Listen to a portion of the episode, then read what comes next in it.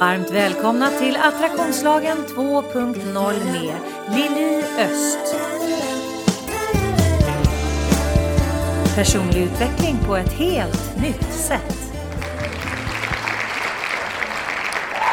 Varmt välkomna till Attraktionslagen 2.0. Det är Lili bakom mikrofonen som sitter på Clarion Sign och poddar som vanligt kan jag säga nu faktiskt. Mer och mer blir det här jag sitter och det känns väldigt, väldigt bra i magen. Och idag så har jag en helt magnifikt spännande kvinna som gäst i podden som faktiskt är gudmor till den här studion, nämligen Annika Dopping. Varmt välkommen Annika! Tack Lili, det är jätteroligt. Ja, jag råkade arbeta med hållbarhetsfrågor här runt Norra Bantorget där vi är. Och eh, Clarence Sign ville verkligen bli en arena för de frågorna, att det skulle hända mycket här. Då sa jag, då måste ni ha en poddstudio. För det blir liksom en magnet för att få hit viktiga samtal. Oh. Och jag tycker även när det har varit liksom väldigt dött omkring oss under coronapandemin så har den här studien alltid varit on air. Står det någon kommer ut som ett pulserande hjärta här inne. Så jag är så stolt gudmor. Ja jag förstår det och jag är sån otroligt tacksam poddstudioidkare för att utan dig hade jag inte kunnat sitta här och podda. Mm, tänk hur allt hänger ihop. Eller hur! Och det är fantastiskt härligt att ha dig här. Och jag tänker att vi har ett fantastiskt spännande samtal framför oss. Mm. Som varken du eller jag vet var det kommer ta vägen någonstans och det är det som är lite tjusningen i själva samtalet. Men du behöver ju ingen eh, större presentation tänker jag men du jobbar ju som moderator mycket, mm. du föreläser ju, mm. du är filmproducent, mm. kommunikationskonsult och programledare i tv, det vet vi ju alla. Mm. Och på din hemsida så står det att du är senior advisor, det tycker jag var så fint. Ja, alltså det där när man tror att man är 35 för evigt som jag, som många av oss gör. Så jag är 30 plus Annika. Eller, ja. Join the club. Då känns det ju jättekonstigt att vara senior. För det, men, men det är bara att inse det att jag har otroligt många års erfarenhet. Ja. Och det är ju så lyxigt att upptäcka att då, jag har aldrig haft så mycket att ge som nu, precis Nej. som du. Att det där bara genererar mer klokskap eller erfarenhet. Att mm. det absolut är inte något som förloras som vi ofta ser åldrandet i vår kultur. Ja. Att man tappar färdigheter.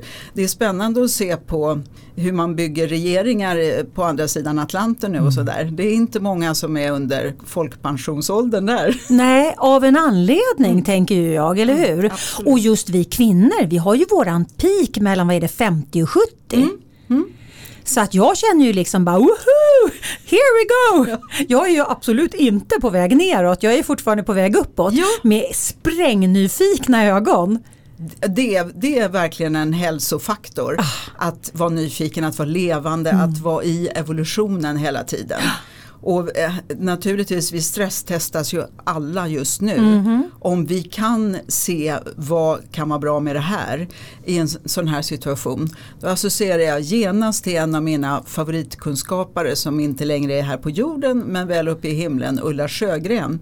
Hon var både meditationslärare och organisationskonsult, eh, kemist i, i början och väldigt liksom på jorden. Mm -hmm. Men hon tyckte att efter samtal, särskilt när man har talat om väldigt smärtsamma och tärande saker så ska man alltid fråga vad var det som var bra med det här? Mm. Och bara den lilla skiftet i att tänka istället för att vara kvar i misär och elände mm. och vad ser du fram emot? Mm.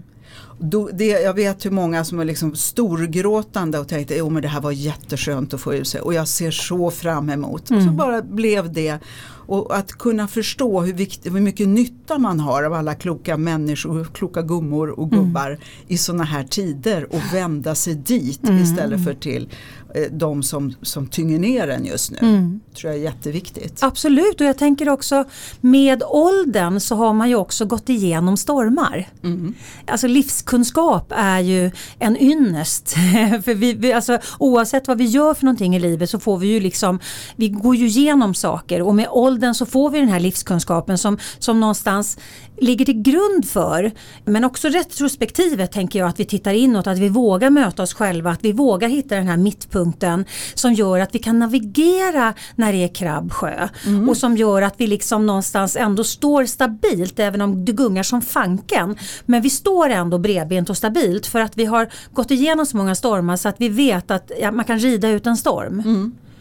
Och, och, och, den tänker jag, ju, ju, fler vi är som är i den energin, mm. för jag menar, då kopplar vi upp oss på det kollektiva och det finns en, en tröst även för de som kanske wobblar lite nu. Du lyssnar på Attraktionslagen 2.0. Personlig utveckling på ett helt nytt sätt.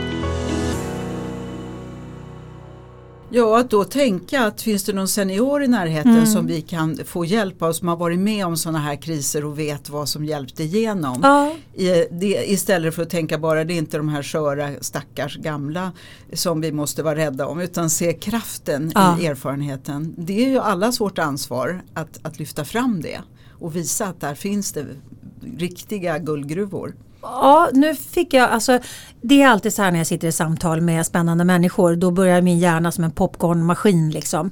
Men där sa du något otroligt viktigt för att vi har, alltså inte vi, men regering, nyhetsrapporterare har ju hela tiden, hela tiden genom hela covid talat om hur svaga våra gamla är. Mm. Mm. Snacka om mantra! Mm. Eller hur? Ja, många 70-plussare har ju känt sig otroligt nedslagna ja. och nedtryckta från att vara levande, vitala, aktiva människor. Ja. Några sköra som ska skyddas. Det, det, innebär ju absolut inte att man inte ska ta hand om nej, de nej, som nej, verkligen är sköra. Men att kategoriskt avfärda alla efter en viss ålder som liksom lite utspelade bräckliga varelser. Det är, det är inte hänsyn. Nej, verkligen inte hänsyn och det är inte speciellt intelligent heller tänker jag. Om man tittar på det ur ett energiperspektiv. Mm. Attraktionslagen funkar lika attraherar lika. Det vi fokuserar på det drar vi till oss mera av. Mm. Vår inre värld är en, en spegel av vår yttre värld kan man säga. Och hjärnan funkar ju så att allt vi matar den med tar den emot som fakta. Så vad händer då med alla de här 70-plussarna eller 60-plussarna mm. som, som eh, får veta hela tiden hur svaga de är. Mm. Det blir ju en sanning, alltså mm. det är ju så man skapar ett paradigm. Mm. Så det blev en sån viktig sak som du sa, bara shit jag har inte tänkt på det på det sättet men det är ju faktiskt det är ju en affirmation mm. som ligger över hela världen. Mm.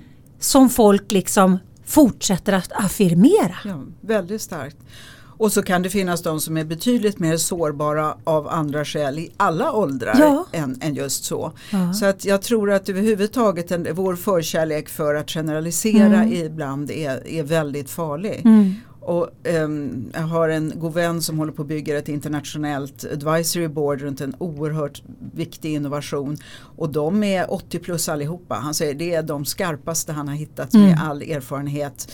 Det är eld, verkligen ett elders uh, council som är, som är oslagbara säger han. Och jag blir så lycklig när jag hör när man kan tillvarata ah. erfarenhet. Ah. Det är magiskt. Mm. Och där vet jag att du har ju också varit väldigt nära grandmothers. Mm. Mm. Indigenous mm. grandmothers. Berätta lite grann om dem apropå tillvarata eh, alltså kunskap. De, det är ju från 13 olika natur eller urbefolknings, eller hur? Just det. Och, eh, urbefolkningar har ju eh, det gemensamt att de ofta har levt i väldigt krävande, väldigt torra eller väldigt mm. kalla eller väldigt våta miljöer och lärt sig att samspela med naturen mm. på ett genialt sätt. Och inte bara det utan att hushålla med knappa resurser på riktigt. Att verkligen förstå. Jag kommer ihåg jag gjorde en serie om samerna som vi ju inte behöver ha särskilt gott samvete för eller kan ha gott samvete för i Sverige hur vi har hanterat. Och då när den här krocken blev med den svenska lagen där man måste visa att det här är min mark och det bevisar jag genom att peka på den här skorstenstocken som min farfars farfars far hade. Och det är bara det att i den samiska kulturen så är det en hedersak att man lämnar inga spår i naturen utan man lämnar det orört. Man har inte varit mån om att bygga Muta monument. in liksom. Nej, exakt. Nej. Men också då har man av tradition sagt att the grandmothers, det är de som ser till att fördela mat och resurser så att det räcker till alla. De hushållar med det som är och de gör det rättvist och tänker på gamla svaga farbrorn och lilla bebisen. Det här ska räcka till alla. Mm. En, en av de mest spännande kvinnor jag intervjuat Vandana Shiva, en indisk fysiker. Hon är ständigt mordhotad och bland annat väldigt kritisk till GMO och så. Så mm. att hon har många priser på sitt huvud.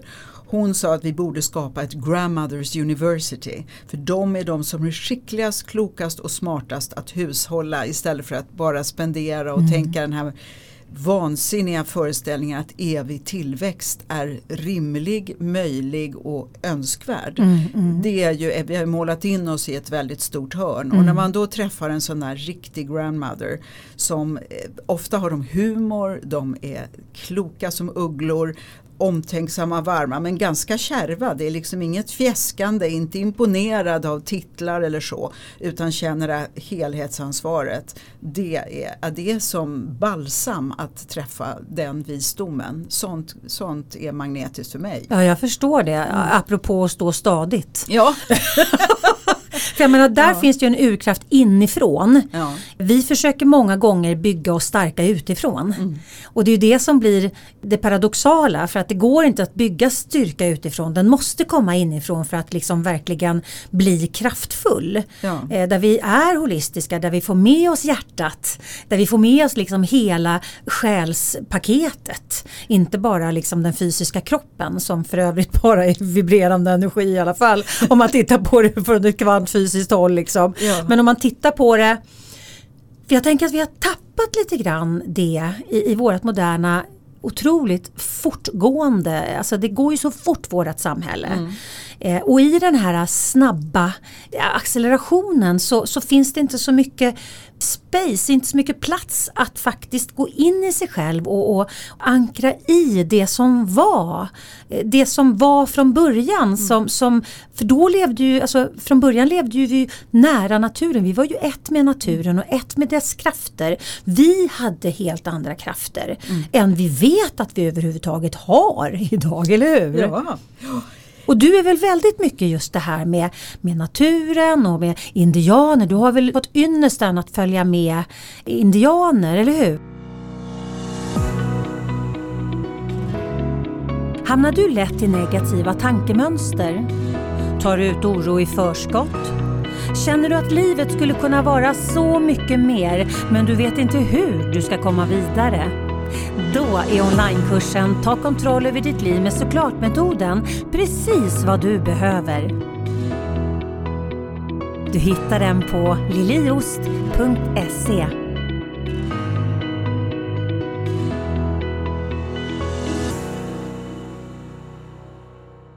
det har varit en oerhört stor lärdom att mm. få, få möta det här. Och jag tänker nu när det varit så mycket drama i USA också. Mm. Eh, hur irokesindianerna och framförallt the Haudenosaunese där jag eh, har haft förmånen att känna Chief Foreign Lions i många år och göra tv-program med honom. De efter en väldigt krigisk period i sin kultur där folk, där de sa att ingen man dog naturligt utan man dog krigiskt, de, de misshandlade sina fruar. Det var en fruktansvärd krigisk tid.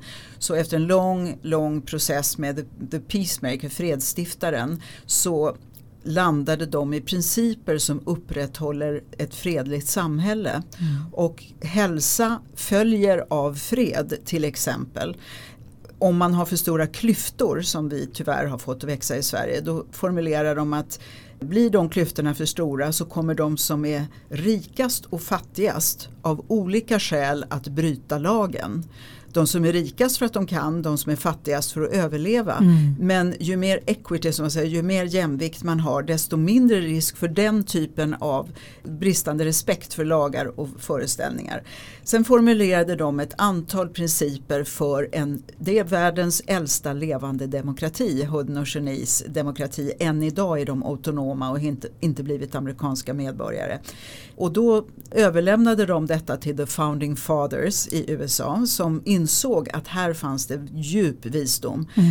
eh, som blev grunden till hela amerikanska konstitutionen. Förutom att de tog bort två av irokesernas principer.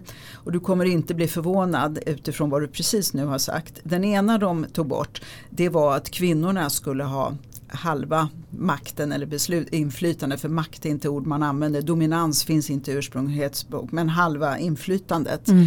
Och att man måste ta tillvara natur, skydda och ta tillvara naturens rättigheter. Mm. Kvinnor och natur, de två togs bort as mm. it happened och så blev det mer och mer individens rätt i förhållande till naturen. Och det, finns, det är så ofta när jag leder konferenser eller gör, själv gör poddar eller filmer eller så som jag associerar till ja men där, det har de formulerat på det här sättet.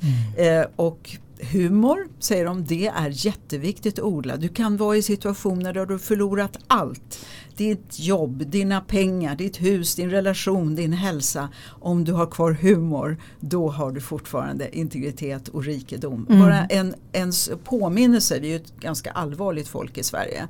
Eh, eller hur viktigt det är just det här som du talar om med centrum, att stå stadigt. Mm. Så att vi har liksom en en, en, positiv och en negativ pol tillgång till det och det gäller att hålla kvar sitt center och komma ihåg det för vi tippar lätt. Det har liksom negativitet har sin egen tyngdlag och drar ner oss om vi inte aktivt söker det ljusa och mm. att höja vår medvetenhet. Tyvärr fungerar det så men när man väl vet det då kan man tänka vad kan jag göra nu för att lyfta fram det bästa i mig. Mm. Hur kan jag generera det som är konstruktivt på riktigt. Det är mm. en association. En annan som du sa det här med att vi har glömt bort liksom basen. Mm.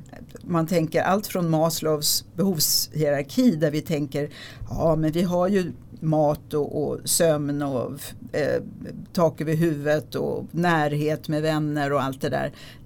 Och sen kan vi förverkliga oss. Det trodde mm. man var en väldigt tydlig hierarkisk riktning. Men vi har, det var en, ett företag jag jobbar med som vände den här pyramiden upp och ner och sa nu har vi jättemycket förverkligande men mm. vi sover dåligt och äter dåligt mm. och rör oss för lite och har för lite närhet. Eh, så det är inget, det måste vi också påminna oss om, mm. liksom det basala. Och så en sista association på det, en man som heter Johan Harris som har skrivit en bok som heter Lost Connections. Han säger att ni, han var deprimerad i massor med år och åt, jag tror han åt antidepressiva i 14 år och bara höjde och höjde dosen. Tills han insåg att det var inte serotoninbrist han led av. Och sen har han då identifierat när han har rest runt jorden de här connections med sådant som naturen och framtidshopp och, mm. eh, som när de kapas av, när vi skär av det som är grundläggande mänskliga behov, då svarar systemet med psykisk ohälsa, obalans mm. och missnöje. Och då gäller det att veta att nu ska jag leta tillbaka. Ja visst ja, det är det här jag saknade. Det är här jag kan må gott. Och det är jättelätt att, att bli berusad av alla sociala medier och hur härligt alla mm. andra verkar ha det och hur mycket ytan gör, skulle göra oss lyckliga. Och glömma bort att det är små mysiga roliga ögonblick med en bebis eller hundvalp eller solnedgång eller sånt som En liten doft eller whatever men precis. Ja, som, som liksom gör att vi kommer tillbaka. Mm. Så att, men jag är då nyfiken på din, ditt arbete med attraktionslagen som då kan låta väldigt abstrakt för de som mm. tänker naturvetenskapligt. Och du coachar ledare. Hur reagerar de när du berättar om det? Att, att det här drar till sig vad som händer i det yttre? Eh, alltså ofta är det ju, de som approcherar mig är ju de som redan liksom någonstans har bestämt sig för att de vill zooma ut och, och titta på saker ur ett annorlunda perspektiv. Mm. Och jag försöker ju vara, med tanke på att det här är liksom ett, ett abstrakt ämne. Mm. Vi pratar ju liksom, alltså attraktionslagen och kvantfysik det är ju en, en liksom, det är ju samma, same same but different om man säger så. Jag pratar vortex, eh, kvantfysiken pratar nollpunktsfältet. Eh, alltså det är ju, det handlar ju någonstans om, om våran interaktion med universum med mm. biofältet runt omkring oss. Det finns ju otroligt mycket forskning gjord, liksom kvantfysiska experiment som visar liksom att våran förväntan, så det får ett, ett, ett, ett energikvitto. Mm. Så om, när vi då börjar bli medvetna om våra förväntningar, våra eh, mesta emotionella fokus, det vi fokuserar mest på, det vi tänker mest på. Är det brist jag tänker mest på? Är det, eh, är det möjligheter eller är det problemen jag tänker mest på? Vad är det jag ältar hela tiden. Det är ju väldigt sällan vi går omkring och ältar positiva saker. Mm. För då blir man nästan sådär lite så ja ja men jag måste bara få säga det. Det är 30-50 gånger men jag måste bara få säga det. Och så säger man någonting positivt och folk bara ah, man håller på att kräks på en för att man vill inte ha så mycket positivt från någon annan. Men däremot kan du säga 35 gånger att någonting är öken. Och, och liksom vara nere, jag brukar säga jag har två påsar jag jobbar med hela tiden. Det, det är eh, guldpåsen, där fyller vi på alla de här positiva sakerna som du pratade om. De här små subtila sakerna. Det kan vara en god kopp kaffe eller man njuter av en doft eller man njuter av en, en härlig kräm, stå i duschen, solen skiner, eh, det är vackert, liksom rimfrost i träden. Alla de här sakerna som faktiskt kan skapa en god känsla i magen. Mm. Om vi mjölkar dem lite grann. Om vi stannar kvar i känslan. För det är nämligen genom känslan vi interagerar med attraktionslagen. Så att om du stannar kvar i den positiva känslan så plockar du ner det i din guldpåse och ju mer sådana saker du plockar ner i din guldpåse ju mer fylls den upp och när den är full så svämmar den över och då är det någonting positivt som manifesteras. Men parallellt med den här guldpåsen har vi bajspåsen. Där vi plockar ner irritation, frustration, oro, svartsjuka, avundsjuka, missundsamhet, bristtänk och alla de här sakerna som skapar en skitkänsla i magen. Och ju mer du jobbar med bajspåsen ju mer fylls den upp och när den är full så är det någonting som manifesteras med negativt. Så att jag tänker att om man tittar på det ur ett ledarperspektiv, eh, ledarperspektiv mm. eller att du själv leder dig själv i ditt eget liv. Om det blir för mycket fokus i bajspåsen mm. då får det ett energikvitto. För att man kan säga att universum är byggt i frekvenslager. Och precis som P1 och P4 inte ligger på samma frekvens och sänder så ligger inte eh, negativt och positivt på samma frekvens och sänder. Så jag menar, vi skulle inte få liksom för oss att och, och ratta in P4 om det är P1 vi vill lyssna på, för det fattar vi. Mm att det går inte. Men däremot så är vi fenor på att tro att vi kan liksom ligga på en låg negativ frekvens och sända och bara ha fokus på alla de här sakerna som ger oss en skitkänsla i magen. Och så blir vi jätteförvånade när inte liksom de här önskade resultaten pingar in. Det är ungefär som att leva på tredje våningen i, i ett hus och så blir du jätteförvånad att du inte ser vad som händer på tian. Mm.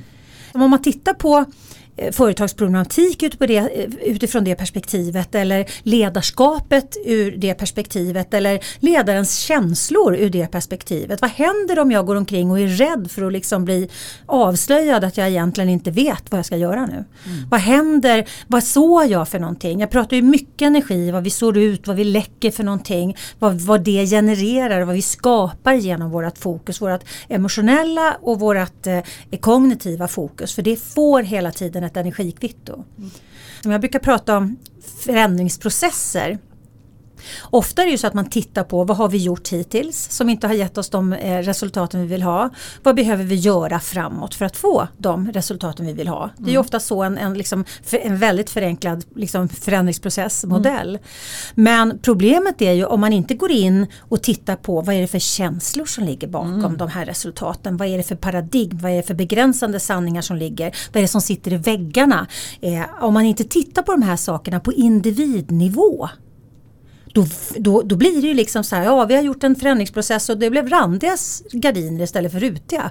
För att den här liksom transformationen får ju inte grepp eftersom man inte har gjort förändringen på djupet. Mm. Precis som det vi har pratat om innan med naturen och, och liksom det här, det här eh, profound, vad heter det, det här gedigna eh, kunskapen som kommer inifrån och som sen läcker ut. Mm. Det blir samma sak. så att jag har bara ett annat sätt att, att beskriva i princip samma process, mm. tänker jag.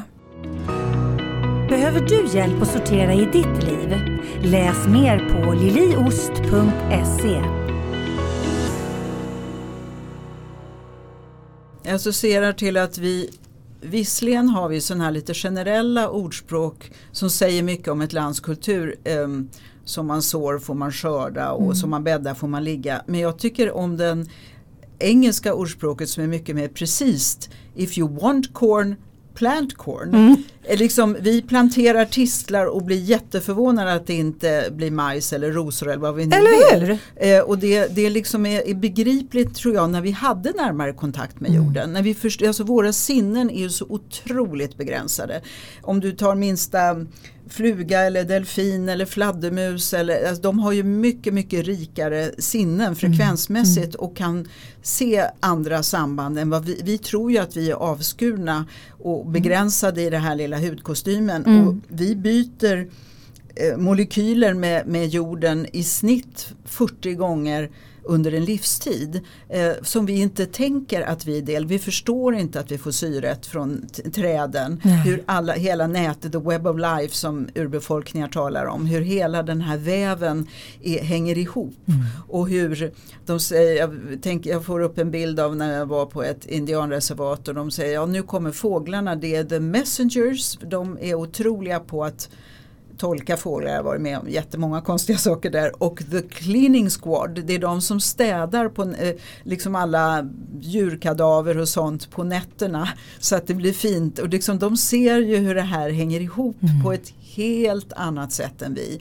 Med en och nyckelordet är alltid tacksamhet. Mm. Hur, kan, hur kan tacksamheten för att jag kan dricka rent vatten, andas fin luft, äta frisk mat, ha tak över huvudet och värme. Hur kan jag uttrycka det varje dag? Mm. Det är inte en gång på Thanksgiving ceremony som var det amerikanerna tog med sig från indianerna utan dagligen. Alltså den enkla manövern betyder ju jättemycket.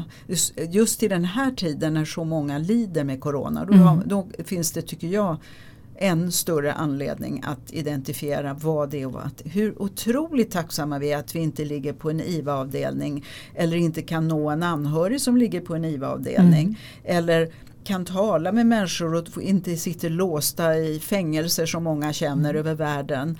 Eh, att, vi, att det finns så mycket att vara tacksam för. Att vi har mat, att vi har rent vatten, oh. att vi har eh, någorlunda i alla fall ren luft så vi kan gå ut och andas. Ja. Det finns ju, alltså, och det här är så spännande för tacksamhet är ju ett av våra starkaste, alltså det är våra mest kraftfulla verktyg. Mm. Om man tittar på det ur mitt perspektiv, energiperspektiv. Mm. För att vad gör tacksamhet? Jo tacksamhet gör att vi jobbar med hjärtat.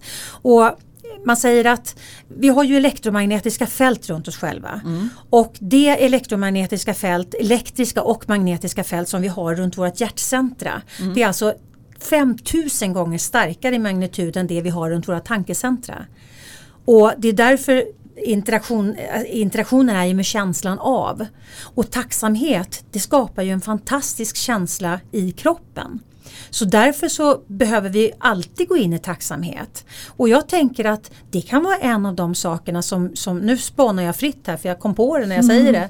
Eh, en av de sakerna som ligger till grund för varför, varför människor mår dåligt för att de har, de har förlorat den här kontakten med, med tacksamheten. För man tar allting så jäkla för givet. Mm. Man blir förbannad liksom om bussen kommer en minut för sent eller det går egentligen en, en buss var femte, sjunde minut men man blir skitförbannad när en buss kom en minut för tidigt så man inte hann med den. Istället för att tänka så här, wow, Alltså vilken tur att jag, jag är på ett ställe där det, liksom, det kommer hela tiden. Och jag tänker den här vardagstacksamheten. Mm, mm. Jag hade faktiskt en, en, eh, länge la jag upp varje fredag så la jag upp på Instagram och Facebook just, eh, alltså vardags, just om vardagstacksamhet. Mm, mm. Eh, för att det är verkligen någonting att lyfta. Mm. Det här liksom bara det här eh, att, att, visa tacksamhet men också känna tacksamhet för sådana här saker som vi tar så otroligt för givet. Det ger en enorm skillnad i din kropp. Om du tittar på det energimässigt. Ja. Um, otroligt, associerar jag då till indianerna igen som säger att girighet är en av de farligaste mm. eh, drivkrafterna hos människor. Mm. Eh, girighet och avundsjuka.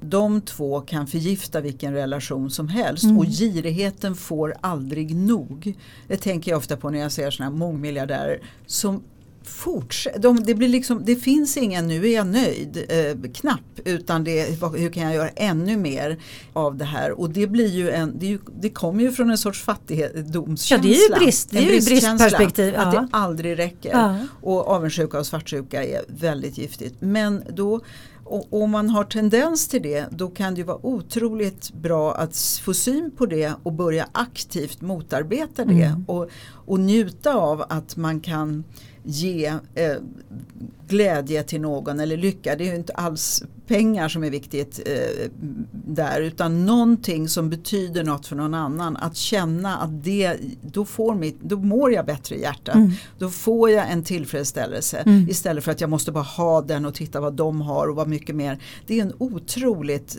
plågsam demon Mm. att, att jagas av.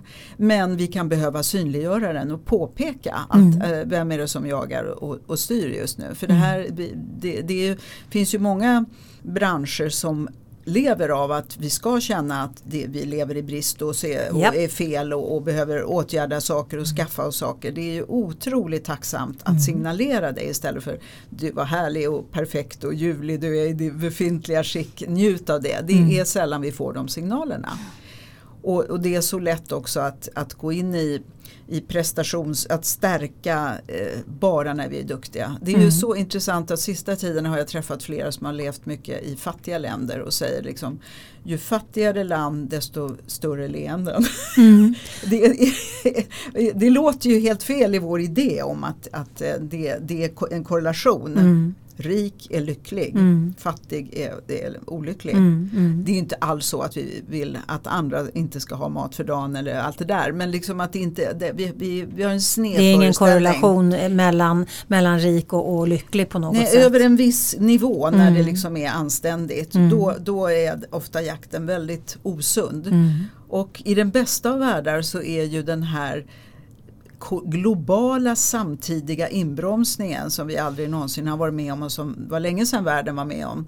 Då en enormt stor chans att reflektera. Mm. Vad är det som är viktigt? Hur kan jag odla mer av det? Bara det här att många har upptäckt att bo i stan kanske inte alls var så charmigt när de kände att nej, vi, vi flyr ut till tryggheten och säkerheten på landet, de som har förmånen att ha ett landställe. Och sen, ja, men jag kan jobba på distans där och då Mm. kan jag vara ute och njuta av solnedgången och att få odla och känna dofter och vara i en annan rytm och plötsligt återupptäckt det. Mm. Eh, är ju helt fascinerande vilken möjligheter det finns i det. Att jag kanske ska tagga ner och bo lite enklare längre från city och, och ha ett, en annan livsrytm och Mm. hinna njuta av det som är viktigt. Mm. Om man kan tillvarata sådana möjligheter istället för att bara känna vad man förlorar. Det är Mm. inte samma som det med åldrandet vi talade om i början. Mm. Eh, Det, det är verkligen i, indu- eh, i betraktarens öga. Mm. Vad är det jag ser i möjligheter i det här? Ja, och hur förhåller jag mig till det? För jag menar, det som är kan man ju titta, är inom situationstecken. Mm. Det kan man ju tolka på så många olika sätt. Precis. Alltså våran tolkning av det som är är ju beroende på vad vi har för ryggsäck. Mm, Och, och liksom våran perception, hur vi, liksom, hur vi tittar på det. Mm. Och vi kan hela tiden välja, men precis som du sa tidigare att, att negativt, det går vi in per automatik för att det är ju liksom, det har vi ju i vårat cellminne sen när vi levde på savannen, när vi skulle vara, eh, liksom akta oss för, för faror hela tiden och då lärde vi vårat system att, att utgå från det värsta, att sitta på pass, att, att liksom måla fan på väggen i förskott. Så att det kommer ju per automatik. Men däremot allt positivt är i varje given stund ett medvetet val. Och det är klart att det är mycket enklare om man liksom är lite så här sloppy thinking. Så det är mycket enklare liksom att bara glassa omkring då i, bajspåsen. för att det tar mer kraft av oss att faktiskt bestämma oss för att, att vi ska liksom, eh, att inta en mer positiv eh, syn på det hela. Och jag menar, jag kan fråga två personer som har varit med om samma sak en dag. Den ena är positivt styrd, den andra är negativt styrd. Och så ber man den positiva berätta vad som har hänt den här dagen eller man börjar med den negativa. Ja det hände och det hände och tror inte på fan att det hände och det hände. Och det är liksom bara öken, öken, öken. Och sen så ber man den här som har ett positivt fokus att berätta samma, liksom vad, vad hur det, de såg sin dag. Jo det där hände men det hände. Och det där hände men det hände. Mm, Och det, det är så spännande för att det här är ju någonting som vi alla kan välja.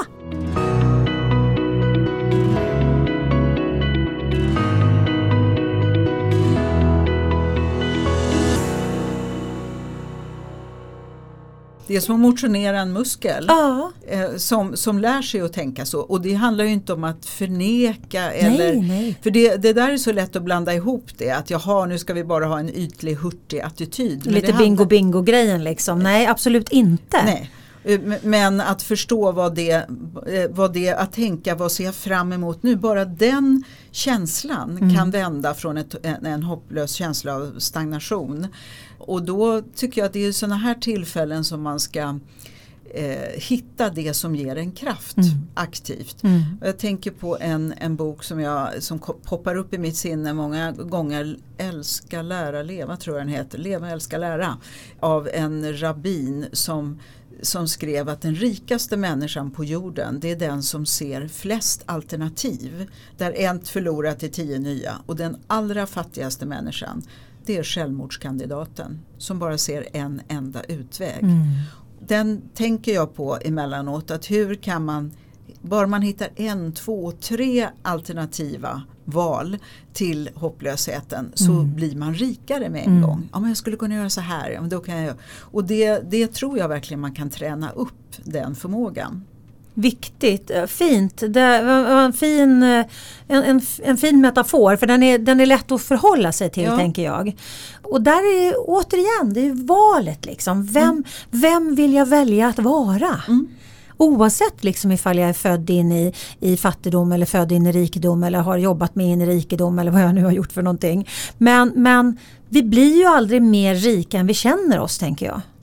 Eh, Precis, det sitter så i vårt hjärta och det är att känna rikedom över att man har goda relationer Mm. och att man har någonstans att bo och att man har mat hemma. Det, det, jag älskar att träffa sådana människor. Jag Mm. tycker det är så gott att se någon som eh, tittar förtjust på partner och vänner och barn och hela. Sen tänker jag på en sak som, som jag har lärt mig nyligen av en väldigt klok existentiell psykolog som heter Fredrik Bengtsson och som har hjälpt många utbrända att komma tillbaks till livet. Och han förklarade något som jag lärde mig bara för några månader sedan. Att eh, vi har haft ett fokus mycket på att extroverta personer är idealet. Sådana som är liksom bubbliga och utåt och sociala.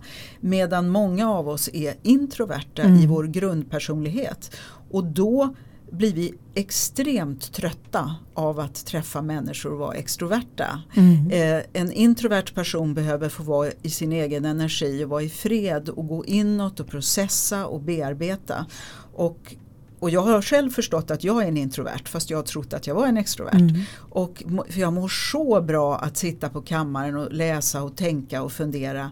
Eh, har inget behov av att ha människor omkring mig eh, stundligen. Medan för extroverta personer så är pandemin fruktansvärt Mm. utmanande. Där, ges, där de, då får man energi av möten med människor, Mm. av samtal i kafferummet, av den här interaktionen Mm. och blir jätteisolerad och fråntagen och avskuren det. Mm. Så därför blir det en sorts lackmustest det här för oss. Hur, hur svårt har jag att hantera att vara ensam mycket mer än vanligt? Mm. Är det något som ger en vila? Att jag inte blir överstimulerad av ett kontorslandskap kanske. Eller en väldigt stökig miljö. Eller känner jag mig fullständigt övergiven? Mm. Att börja ställa sig de frågorna och få lov att om man är en introvert att inte känna att man måste hävda sig och låtsas vara extrovert när det tröttar väldigt mycket. Utan att man kan få med gott samvete säga nej nu behöver jag vara i fred ett par timmar och smälta det här Mm. och känna att man laddar batterierna. Mm. Mm. Det tror jag att vi har, när man har liksom fokus på att man bör vara sådär utåt och härlig och social då kan det bli tufft för en introvert person som försöker spela med. Ja för det blir ju någonstans att det blir, eh, informationen blir att du är fel. Ja, Och det är man ju inte alls. Jag Nej. kan säga att jag är både och. mm. Jag är ju väldigt extrovert. Jag är en människa som liksom är väldigt yvig i, liksom i det mesta jag gör. Mm. Men jag har ett extremt stort behov av att vara själv. Mm. I, min egen, I mitt eget tempo. Eh, I mina egna tankar. Och, och jag är absolut inte en människa som, men nu har jag i och för sig övat mest på mitt, i, i mitt liv. För när vi, eh, alltså när jag jobbade med pappa eller när jag jobbade med Avec, då var vi ute på turné. Mm. Eh, men då mötte man ju publiken publiken. Sen var man ju liksom i sitt lilla, liksom, lilla, lilla kluster. Eh, Så att det blev ju en, en bra balans där. När jag började jobba eh, utifrån då när jag hade slutat att jobba med de här grupperna. Då, då fick jag ett helt annat, ett helt annat sätt att, att jobba. Och då har jag jobbat så många år hemifrån. Mm. Så när jag skulle sätta mig för att jag så här, men det kommer inte en jävel förbi köket hemma hos mig så ska jag ha någon interaktion liksom som jag ska sätta mig någonstans där det är människor. Och, och försökte i några år att sitta i, i eh, du vet sådär, eh, kontorshotell och, och liksom supersköna ställen. Men du vet jag var helt slut. Mm. För att jag kunde inte koncentrera mig. Jag kunde inte fokusera. Jag var tvungen till slut att sätta hörlurar i öronen eh, för att liksom ta bort allt det här. Så att jag är ju verkligen en person som behöver lugn och ro samtidigt som jag är en person som är liksom woho så här. Jag och, såg det i dina ögon när jag berättade om det så såg jag att du kände igen dig. Ah, det är ju jag, jag behöver vara i fred ah, och så. Och en introvert person som liksom bekämpar mm. den, det behovet kan lätt bli utbränd. Ah. Eh, och det är ofta den korrelationen. Och det, var, det tycker jag, sånt här, vi talar inte om sånt mm. i vår vardagssamtal. Det är en association. Fredrik Bengtsson har också bott mycket i Frankrike och han följer fransk rapportering nu under pandemin och då jämför han vår naturvetenskapliga kultur där vi redovisar hur många har dött idag, hur mm. många är på IVA, hur många är smittade, hur många vaccindoser, oerhört faktabaserat och krast. Medan i Frankrike så är det varje kväll filosofer och psykologer och historiker som beskriver hur har människorna tagit sig igenom kriser förr. Vad är viktigt att vi ser för sammanhang och för stora bilder och lär oss nu. Det är inte alls eh, denna, detta väldiga sifferfokus. Undrar vilket som är det vinnande konceptet Annika? ja, nu fick du en lurig fråga. ja, jag känner att det här är världens chans för oss att börja prata, föra ah. andra samtal. Ja. Hur är det att vara människa och hur, eh, hur farligt är det om vi mår dåligt? Nej det är det inte, men det är inte eh, antidepressiva som alltid är svaret utan det kan vara the lost connections med ja. sånt som är viktigt för oss. Och, att då, och då hjälp, är det helt avgörande att få någon som hjälper en att ställa rätt frågor. Mm. Om man inte har funderat på, är jag introvert eller extrovert? Vad tröttar mig? Vad ger mig energi? Om man aldrig har gjort det här mm. utan åkt med och, eller följt andra yttre normer. Då är det inte konstigt om allt det här poppar upp när man stannar till. Nej. Det är ju då, när, det, är då det här bubblar som man kan bedöva eh, under tiden på tusen olika sätt. Mm. Och om man då är trygg jag kom, nu fick jag upp en association, ett tv-program jag gjorde för jättemånga år sedan med en läkare som heter Björn Ogeus. Då hade vi en grafiker som ritade den djupa brunnen, svarta handens brunn kallade han den för. Att när man ska ner i sina minnen som är smärtsamma men oläkta och ligger liksom och tar energi. Då behöver man ha någon som följer med i brunnen med en ficklampa mm. som lyser med mig och säger, tar handen och säger ner här, allt är väl, vi kommer upp igen mm. klokare och rikare än någonsin. Men annars är risken att vi flyr in i något missbruk. Mm. Och nu är det många som shoppade förut som kanske inte gör det längre. Nej, då eller kanske de dricker krogen. nu eller, ja. eller äter. Eller, det finns många mm. ventiler. Mm. Och, eh, och det fungerar ju en viss tid men även det kommer ikapp. Men mm. om man då väljer att inte se det som misslyckande eller katastrofer utan åh vad bra att det här blir synliggjort mm, nu. Vad kan jag göra av det? Mm. Och då tänker jag på tant Ulla Sjögren, så jag kallar henne tant Ulla. Hon brukade säga ibland när man tyckte, åh gud jag önskar att jag inte visste det. Så ja, det gör ont att bli medveten om att allt det där hemska hände. Men alternativet är sämre. Mm. Ja, det gör ont att bli medveten men alternativet är sämre och det har jag behövt trösta många med som önsk. Tänk, tänk om jag slapp veta hur de där barnen har blivit utsatta för övergrepp eller hur fruktansvärt vi har betett oss mot ursprungsfolk eller hur jorden mår. Eh, hur mycket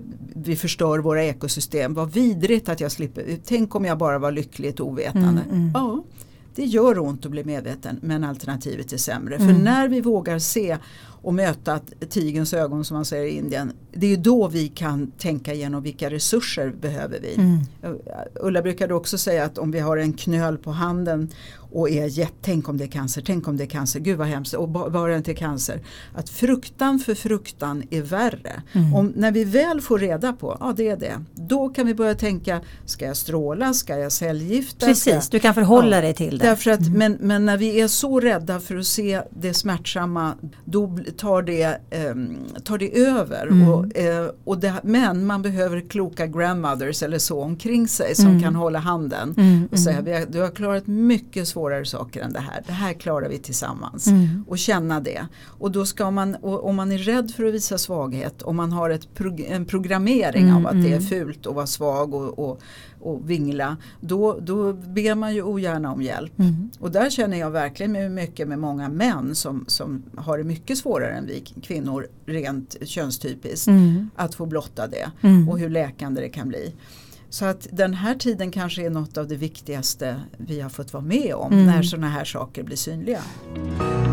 Prenumerera gärna på min Youtube-kanal Attraktionslagen 2.0 så att du inte missar några uppdateringar. Och, och jag tänker att det finns nog, alltså det finns ju alltid en, en, en plan på något sätt eh, som vi kanske inte riktigt är medvetna om. Och, och, och det var väl dags nu att eh, liksom eh, trycka på stoppknappen Mm. eh, och, och ge det här spacet där det här faktiskt kan. För jag menar, vi är ju inne i ett paradigmskifte, det har vi ju varit ett bra tag. Mm. Men för att det här ska få fäste på, på riktigt. Och jag Mm. tänker, eh, jag, hade, jag har ju haft en, som jag sa till dig när du kom, jag har haft en, en, en lång dag idag med att spelat in eh, ett antal poddar. Och Ulrika Karlsson, Ullis Karlsson är ju en av dem och hon pratade just om den här balansen mellan det kvinnliga och det manliga. För jag menar i oss människor, i kvinnor finns det både manligt kvinnligt och i män finns det också manligt kvinnligt. Och när det blir överslag av ett eller annat, precis som du, som du pratade om det här när det blir den här obalansen. Då, då blir ju liksom hela, hela systemet blir i obalans för att det är inte meningen att det ska vara eh, när, när man då tog bort kvinnorna och naturen ur eh, det här i det hela Ja. då blev det direkt en obalans. Och den obalansen har vi ju levt i i tusentals år tänker jag. Ja. eh, I den här obalansen. Och, och om vi nu inte använder oss av den här tiden när vi får tid att bara liksom pausa och, och lyfta upp den här eh, att jag behöver liksom balansera det manliga och kvinnliga i mig för att kunna bidra på ett sätt som är balanserat. Eh, Jag tänker att om alla får upp de ögonen och bara att, att man börjar prata om det nu blir ju liksom att ja, det blir ringa på vattnet, det, det föder idéer hos människor och så vidare. Och där tänker jag att det, eftersom det är väldigt mycket manlig energi som, som driver och leder business och så vidare. Alla de här männen som, som kanske inte alls eh, egentligen vill vara i den energin. De vill göra det på ett annat sätt men de har inte vågat göra det på ett annat sätt. Här finns det ju en, en öppning tänker jag att, att bejaka den här. Ulrika berättade just att det här, den manliga energin den är, den är otroligt knivskarp. Man har visioner, knivskarpa visioner och den ska liksom kunna skära genom, genom alla, allt, liksom allt runt omkring. Medan den kvinnliga energin då är kärlek. Att det är liksom omhuldande och kärlek. Det är det som är liksom styrkorna i det. När man då får den här knivskarpa visionen, knivskarpa fokuset med kombination med kärlek. Det blir ju en helt annan cocktail. Eller hur? Vi har ju väldigt bra män i Sverige generellt. Ja. Vi är unika som har liksom uppmuntrat verkligen och hyllat den sidan när man odlar det. Men, men det som ursprungsbefolkningen säger det är ju att det är idén om dominans. Vem dominerar? Den vita dominerar andra färger, män dominerar kvinnor, chefer dominerar slavar under, människan dominerar naturen. Alla de idéerna om dominans är det som är, det som är grund, systemfelet. Det är när man hittar ekosystem med ömsesidigt näringsutbyte och, eh, och vilja att ge varandra. Det är då det skapas harmoni både i naturen och i människan. Och det finns ju, eller i samhällen, det finns en, en underbar disciplin eh, på väg mot vetenskap som heter biomimik. Det eh, finns ett institut i Missoula, eh, Biomimicry Institute, där man lär av naturen som liksom evolutionen har slipat i miljarder år fram de smartaste lösningarna. Stöta bort vatten eller samla vatten när det är torra perioder eller övervintra i svåra situationer. Det finns så mycket att lära om man studerar naturen. Mm. Istället för att tro att man ska dominera och behärska och exploatera den som vi har väldigt mycket i vår mm. tid. Mm. Och det är, det är svindlande nu när man har förstått hur träd kommunicerar med varandra mm. och, och, eh, alla de här mycelerna och svamparna. Och en, en tibetansk läkare får studera jorden i fem år innan man får börja studera människan. För vi, man måste förstå bakterier och mikroorganismer och, och, alla väsen i jorden som vi byter molekyler med om man ska förstå hur vi fungerar. Nu börjar de ju upptäcka att tarmfloran mm. är så himla viktig för hur vi, vårt immunförsvar mm. och hur vi kan hantera eh, det här som har varit lite fult och lite underskattat. Och hjärnan och, hjär och tarmarna hänger ju ihop jättemycket. Enormt mycket. Mm. Och sen har vi då haft ett fokus i vår tid på att det är hjärnan som är chefen medan mm. många anser att det är processorn som hanterar en massa data men mm. det är just hjärtat som är chefen säger yes. man från olika håll. Mm, mm. Så att det är, det är jättespännande tider om man vågar. Och jag har en, en jag eh, tycker själv att det är jättekonstigt att när jag kommer in med en, en låst föreställning, en vald sanning, en fördom om något och någon överbevisar mig. Jag blir helt hög av det. Jag tycker det är så häftigt när jag kommer, ja men så här är det och så är det någon som förklarar, nej det här. Och så känner jag hur mm. hela jag expanderar mm. av den här lilla förkrympta idén av den här låsta eh, fördomen eller vad det nu är. Och så öppnas den för att jag lär mig något nytt. Jag mm. känner hur cellerna kvittrar där inne. Och det tror jag om vi liksom kan våga släppa det som inte längre tjänar eller är gammal kunskap mm. Eh, och daterat och njuta av den här nyfikenheten som mm. du talade om i början. Att den är drivkraften och förtjusningen att förstå hur saker hänger ihop. Alltså det kan verkligen bli dopaminduschar. Mm. Om man inte är låst vid att jag har hittat sanningen och här är den och den våga inte rubba den. Nej men precis. Det kan ju ge lite tillfällig behovstillfredsställelse om man kan hitta vem är skyldig till corona? Ja det är den fladdermusen eller det är den mm. eh, presidenten eller det landet. För det, det ger liksom temporär lindring att mm. hitta syndabockar. Men om man ställer sig liksom andra frågor och tar in det existentiella och helheten och inte tror att det är en matematisk, naturvetenskaplig, fysisk kropp där utan tar in att det är lite flummiga, konstiga saker mm. vi inte kan mäta i provrör. Mm. Gud vad spännande istället för Gud vad läskigt. Mm. Då, då tror jag man blir en rikare människa, man får ett rikare liv av att öppna sinnena på mm. vid gavel. På min hemsida liliost.se hittar du massor av matnyttig information både för dig som privatperson såväl som för er som företag. Du hittar mina onlinekurser och vad som är på gång och aktuellt just nu. Du kan köpa mina böcker och få dem signerade och du hittar min musik, bland annat vignettmusiken till podden. Och under fliken gratis har du nedladdningsbara pdf och minikurser som kan hjälpa dig att lyfta ditt liv och teamet till en ny nivå.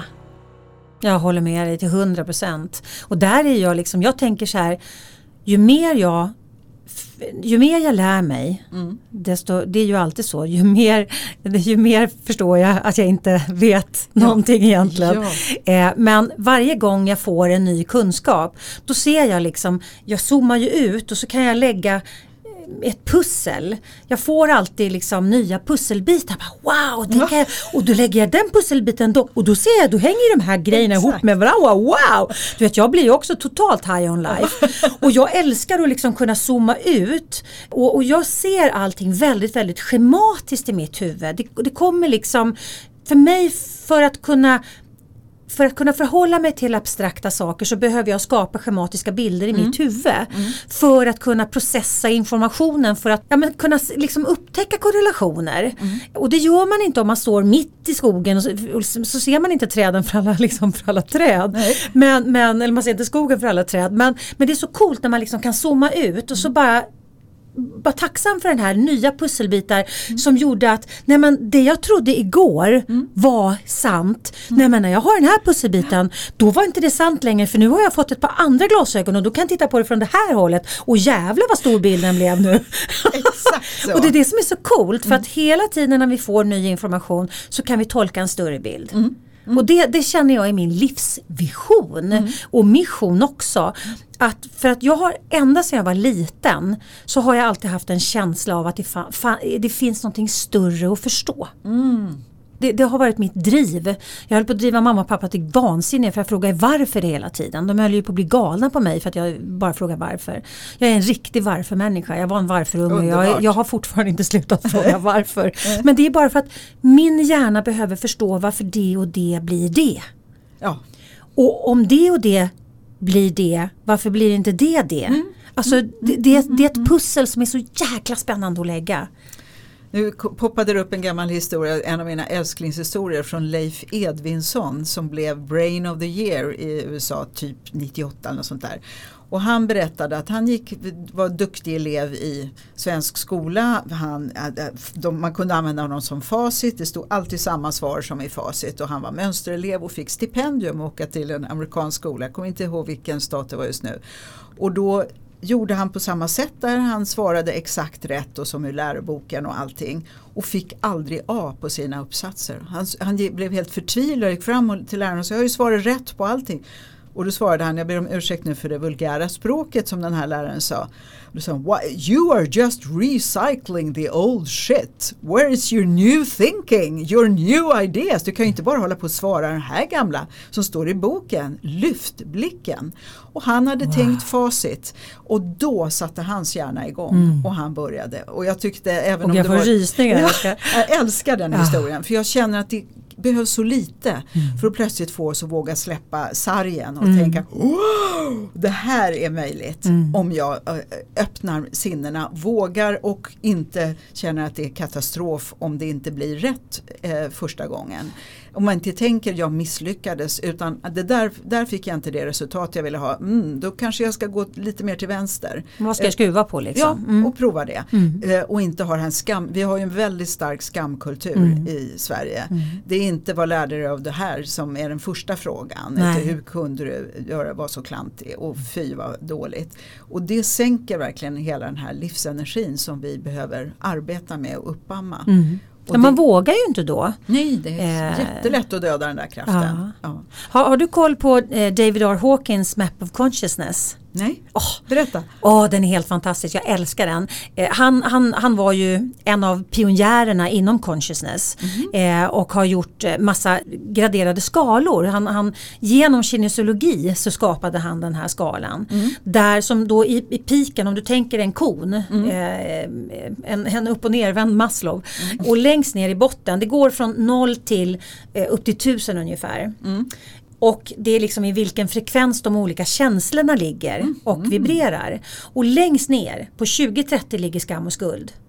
Det är verkligen ett, ett lågvattenmärke. Ja.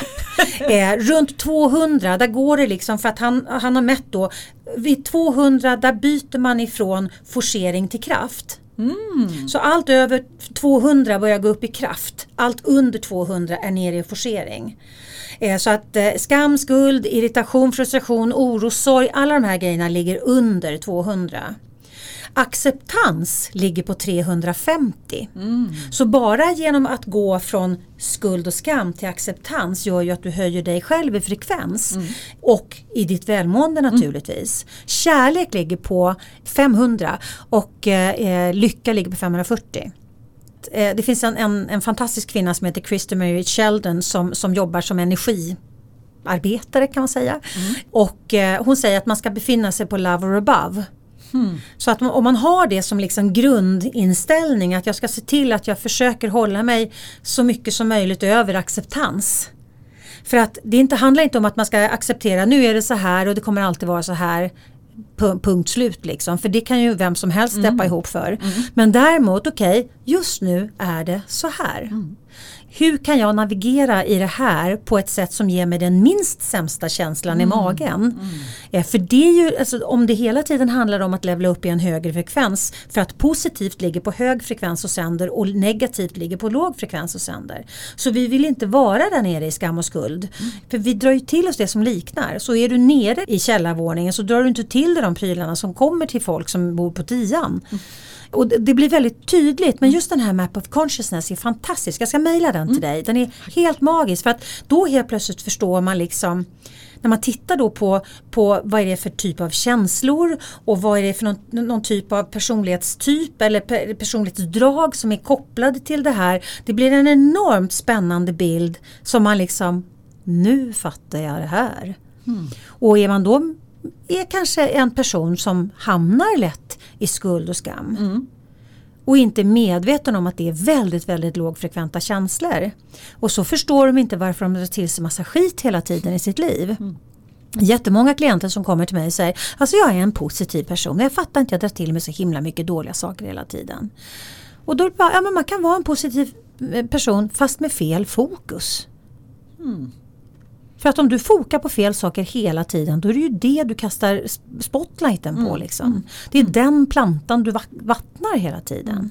mm. Så att, att eh, det, det, är så spännande när man börjar liksom ta in eh, energiperspektivet i beteendevetenskapen för att du får en helt annan eh, överblicksbild och det är ju den här kartan liksom som jag behöver för att kunna zooma ut. Och, och, och jag använder jättemycket mindmapping när jag jobbar med mina eh, klienter för att skapa de här bilderna så att man ser alla, alltså, känslor och tankar. Det är ju jätteabstrakt. Ja. Eller hur? Ja. Det är liksom hur man ska kunna förhålla sig och framförallt om man är inne i en sfär av till exempel negativa känslor. Att kunna liksom få någon typ av rätsida på dem. Eh, för att kunna förhålla sig till dem, för att liksom distansera sig och dissociera sig och ställa sig utanför mm, och titta mm, på dem. Mm, mm, för att inte vara inne i känslan medan du håller på att hantera känslan. Det blir väldigt bra när man jobbar med att liksom mindmappa och göra schematiska, eh, schematiska bilder. För att då kan hjärnan Jätte... ta in det på ett helt annat sätt. Det är så spännande. du lyssnar på Attraktionslagen 2.0. Personlig utveckling på ett helt nytt sätt. Och jag tror att om man då har eh, en knippe relationer där man känner att när jag är med den här människan då tycker jag om mig själv. Mm. Jag, den här människan lockar fram det bästa i mig. Mm. Då bygger man upp sån motståndskraft att man kan njuta av att ifrågasättas och brottas med någon som verkligen pekar på när, nu har du lurat dig själv. Mm.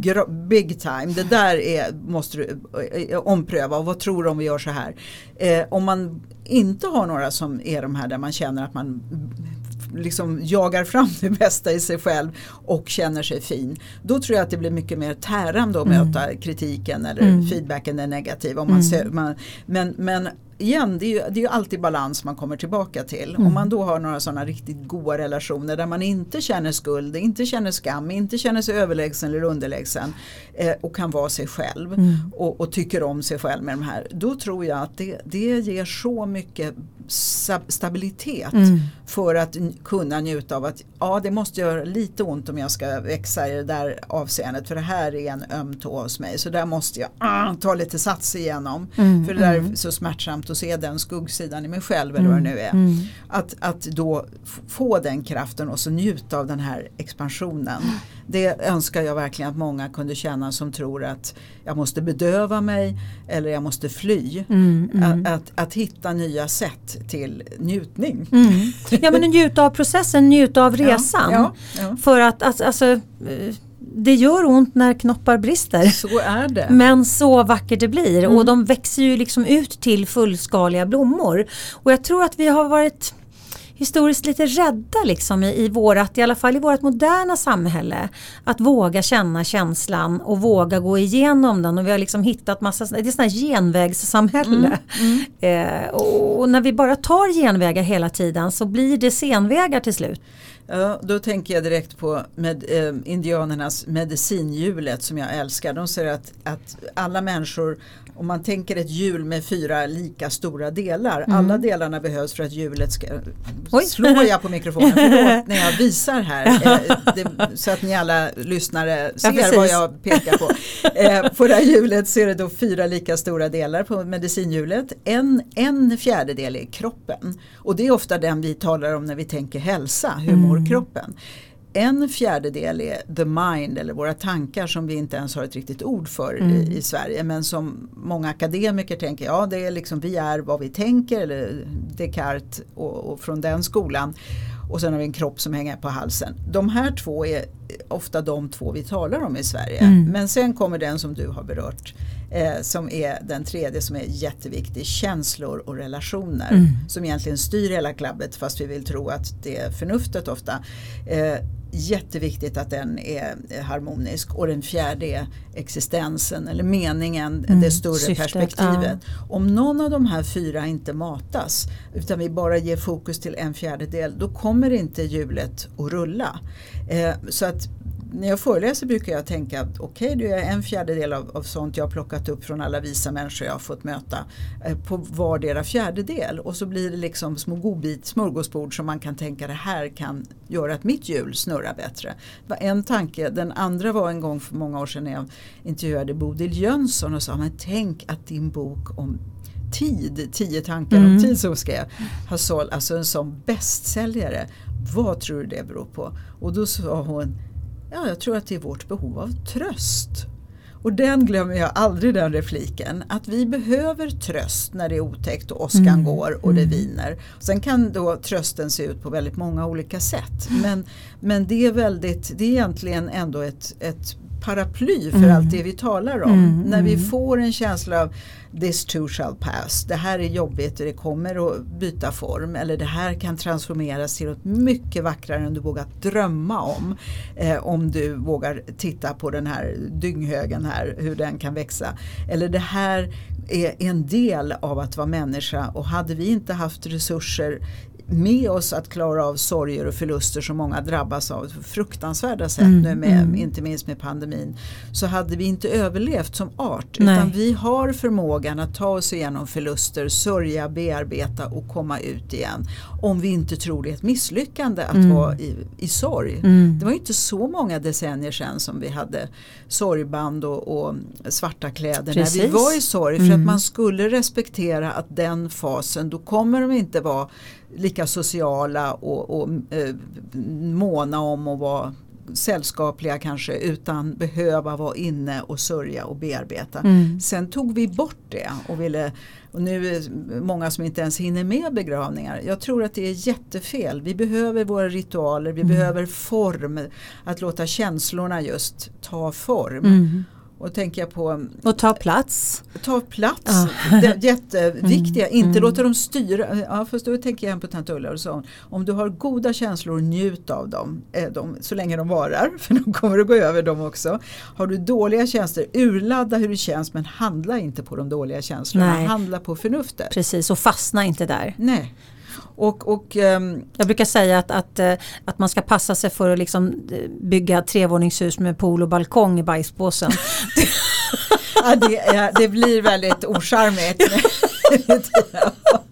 Men även där, då ska vi inte slå på oss hur kunde vi ha byggt den här oaptitliga eh, bygget åt oss själva mm. utan tänka, ja, det, tänk vad lätt det är, vad, gud vad bra mm. att jag fick syn på det, nu yes. kan jag välja en annan väg. Yes. Ja, den medvetenheten. Mm. Och eh, förstå att människor har alltid behövt trösta varann. Mm. Och eh, som en, en sjukhuspräst kommer jag ihåg som jobbar med barn sa att vi tror att vi ska skydda våra barn från motgång men vi ska skydda dem genom motgång. Mm. Det är då som vi lär oss att det här är jobbigt, nu, nu håller jag dig i handen, nu går vi tillsammans mm. och vi kommer ut eh, på andra sidan. Mm. Det behöver vi påminnas om nu när det känns mm. hopplöst och, och, och, grått i så många avseenden. Ja, viktigt, otroligt viktigt. Jag vet inte riktigt, jag har en känsla av, jag vet inte ifall ni som lyssnar på podden nu har samma disco som jag och Annika har i öronen nu. Jag tror helt enkelt att de har vridit på där nere för att det är förmodligen kväll nu på Clarion Sign.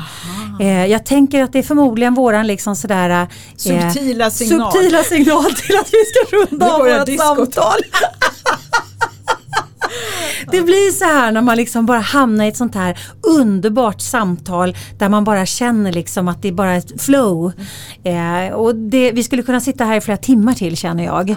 Men, men Clarion aviserar, eh, det är dags att gå hem nu brudar. Ja. Tack så jättemycket för att jag fick komma som gäst till dig. Vilken, vilken nåd, vilket privilegium. Ja, tack, tack snälla du och tack så hemskt mycket för att du ville komma.